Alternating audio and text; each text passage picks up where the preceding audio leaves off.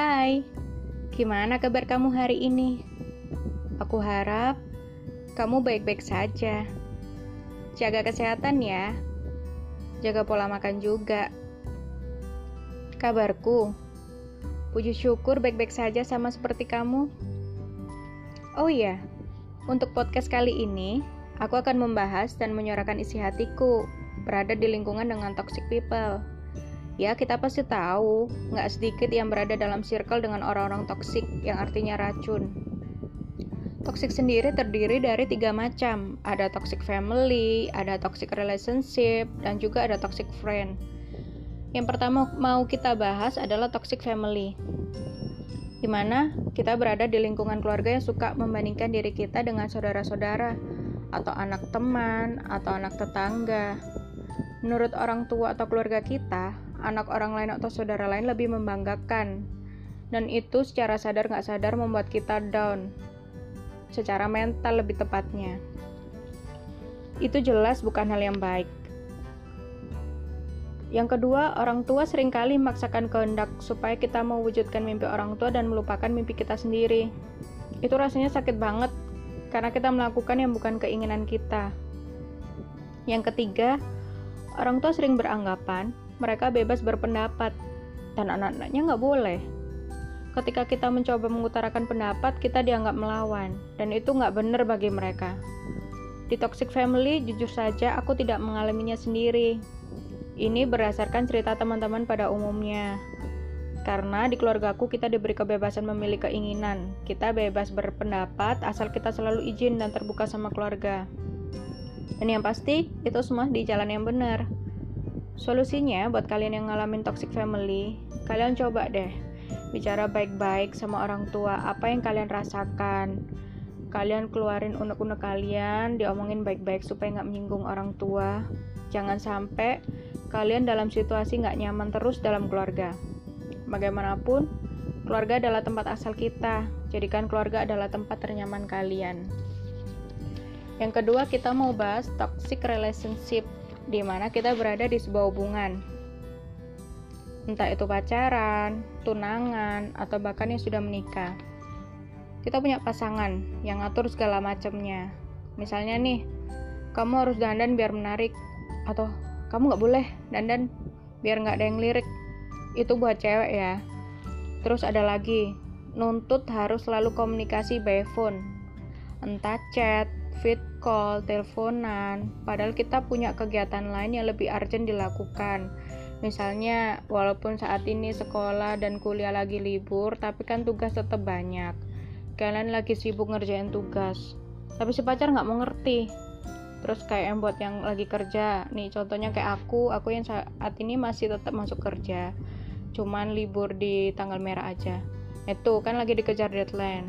Kalau punya pacar yang nggak pengertian, Dipikirnya kita nggak sayang lah, selingkuh lah, akhirnya cekcok dan bertengkar. Terus ada juga yang nggak boleh pergi sama teman-teman, kecuali sama pacar. Nah kita kan kadang-kadang butuh ya quality time bareng teman-teman, ya nggak sih? Kalau yang udah nikah nih, biasanya istri nggak boleh keluar rumah, terus nggak boleh dandan biar nggak ada yang lirik. Tapi suaminya bisa ke mana-mana bareng teman-temannya, bisa futsal bareng temen, Nah, kasihan dong istrinya terkungkung dalam rumah. Jenuh udah pasti. Dalam hal ini di toxic relationship, aku belum pernah mengalaminya. Ini berasal cerita teman-teman. Kebetulan ketika aku punya pasangan atau pacar, aku berasa kayak sahabat, bahkan kayak saudara. Jadi nyaman dan ngasih kepercayaan aku banget. Solusi buat kalian yang ngalamin sama kalian harus ngomongin baik-baik sama pasangan kalian. Enaknya bagaimana? Supaya nggak ada rasa nggak nyaman. Emangnya kalian betah? Mau terus ngejalanin hubungan yang toksik gitu? Kalau aku jujur nggak mau. Kalau memang kalian udah mencoba bicarakannya baik-baik kalau yang masih pacaran tinggalin aja deh. Kayak nggak ada cewek atau cowok lain. Tapi kalau yang udah tunangan atau yang udah menikah sebaiknya dibicarakan lebih serius untuk ke depannya. karena tunangan sama menikah kan udah bukan main-main pikirannya udah ke depan gitu. Speknya gimana? Nah ini pembahasan yang terakhir toxic friend. Ini aku ngalamin banget ketika mulai masuk dunia kerja. Jujur zaman sekolah aku nggak ngalamin ini sama sekali. Ketika masuk dunia kerja aku kaget kita kan kalau udah kerja punya penghasilan sendiri ya kita bebas membeli apa yang kita inginkan, ya enggak? Membeli barang bermerek seperti sebuah kewajiban bagi beberapa orang, buat penampilan dan saling pamer. Awal-awal aku masih lugu. Jujur aku zaman sekolah aku nggak ngerti merek, jadi up, mulai dari baju, sepatu, tas, apa yang orang tua aku kasih, atau saudara-saudara aku kasih itu aku pasti terima gitu. Dan aku nggak pernah ngelihat merek. Kebetulan zaman aku sekolah aku buta merek. Sama sekali aku buta merek gitu ya. Tapi ketika kerja teman-teman lingkungan kerjaku tuh mulai ngomentarin penampilanku. Yang dibilang jadul lah. Pakai baju apa sih kok nggak ada mereknya? Oke akhirnya aku sedikit demi sedikit ngikut mereka. Aku mulai belanja baju bermerek sepatu bermerek parfum merek mahal dan lain-lain ya. Tapi ketika aku pakai mereka masih aja ngomentarin aku. Yang dibilang stylenya aneh lah. Nggak cocok lah. Nah kesel nggak sih? Kalian udah mencoba uh, mengambil hati teman-teman gitu ya dengan cara ngikut mereka. Tapi ternyata tetap bagi mereka tuh kamu nggak cocok gitu. Nggak ada bagus-bagusnya gitu terus kadang nih ketika kita lagi ngobrol di kerjaan asik nih ya awalnya kita ketawa-ketawa ngakak gitu. Teman-teman lagi cerita aku dengerin mereka. Giliran aku yang cerita mereka kayak nggak antusias dengerin. Bahkan sekali ada yang nyeletuk masa sih kayak gitu? Aku kok nggak yakin ya? Dalam hati aku mikir ini aku yang ngalamin kok mereka kayak yang paling tahu sih mikir nggak sih kalian kalau posisinya jadi aku gitu atau memang kalian pernah ngalamin jadi aku gitu dan yang terakhir, jujur aku agak kurang suka ketika dalam sebuah obrolan pembahasan di dalamnya ngomongin harta, rumah, uh, kendaraan, tabungan kalian, barang-barang bermerek, uh, bisa liburan ke mana aja. Kalau untuk sesekali terbilang wajar ya, sekedar bahan obrolan. Tapi kalau tiap hari meliputi itu terus, apa nggak bosen? apa kalian nggak risih gitu loh? Apalagi dalam lingkungan kita tuh nggak semuanya dalam kondisi berkecukupan atau kaya. Ada beberapa yang memang kurang beruntung. Nah ketika kita menceritakan hal itu kita berusaha pamer hal itu ke temen yang kurang beruntung apa kalian nggak mikir posisi jadi mereka apa mereka nggak semakin down gitu loh. Ketika mungkin de di depan kita tuh mereka terlihat happy biasa aja gitu ya nggak kelihatan sedih.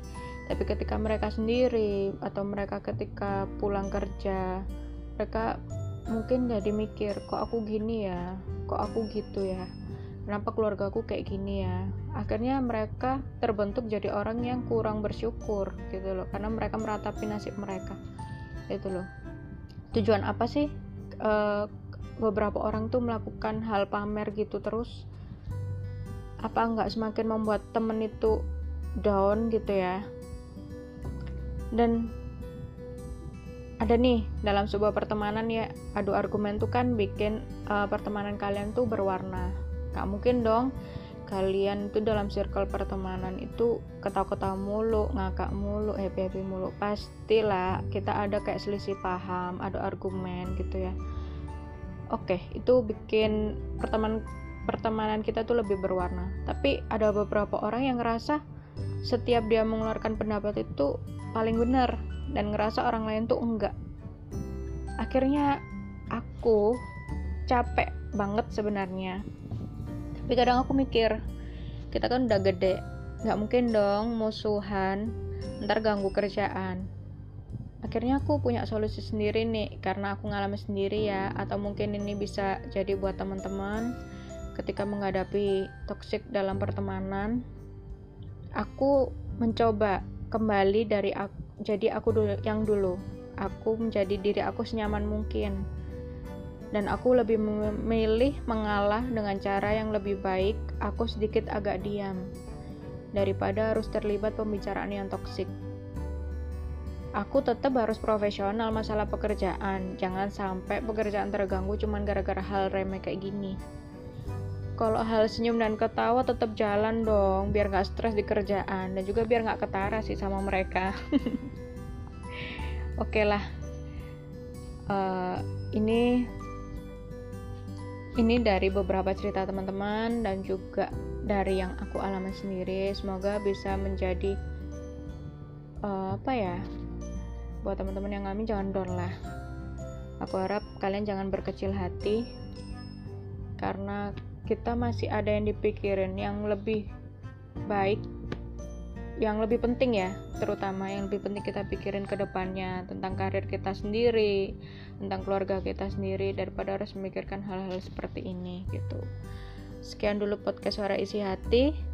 Kalian jangan berkecil hati buat siapa aja yang ngalamin karena kita nggak sendiri. Maaf ya kalau kepanjangan. Semangat terus buat kita dalam menjalani hari-hari terutama yang masih kerja. Kayak aku contohnya nih aku cuma libur di tanggal merah doang tapi hari lainnya aku masuk terus. Ya puji Tuhan aku masih kerja. Cuman kan kadang kalau kita di lingkungan kerja atau di jalan kita suka parno sendiri ya sama covid gitu loh. Tapi ya gimana uh, sama pemerintah tetap diwajibkan kerja gitu untuk memenuhi kebutuhan masyarakat. Oke buat teman-teman yang di rumah hargai uh, COVID ini bukan main-main. Lebih baik kita ikuti aturan pemerintah. Kalau kalian nggak ada keperluan jangan keluar rumah, di rumah aja. Habiskan waktu luang kalian bersama keluarga yang mungkin selama ini tersita ketika kalian sekolah, ketika kalian les, ketika kalian kuliah, ketika kalian bekerja akan sering lembur juga ya. Nah, saat ini kalian disuruh sama Tuhan berkumpul disuruh menghabiskan waktu untuk mendekatkan diri dengan keluarga apa salahnya sih gitu loh itu kan juga demi kebaikan keutuhan keluarga. Dalam kondisi sekarang ini kita juga harus jaga kesehatan jaga pola makan. Kalau yang bisa olahraga olahraga deh. Tapi jangan terlalu diforsir nanti malah jatuhnya lebih sakit. Gitu oke? Okay? sampai jumpa teman-teman. Kita bertemu lagi di lain episode. Bye bye terima kasih ya udah mau dengerin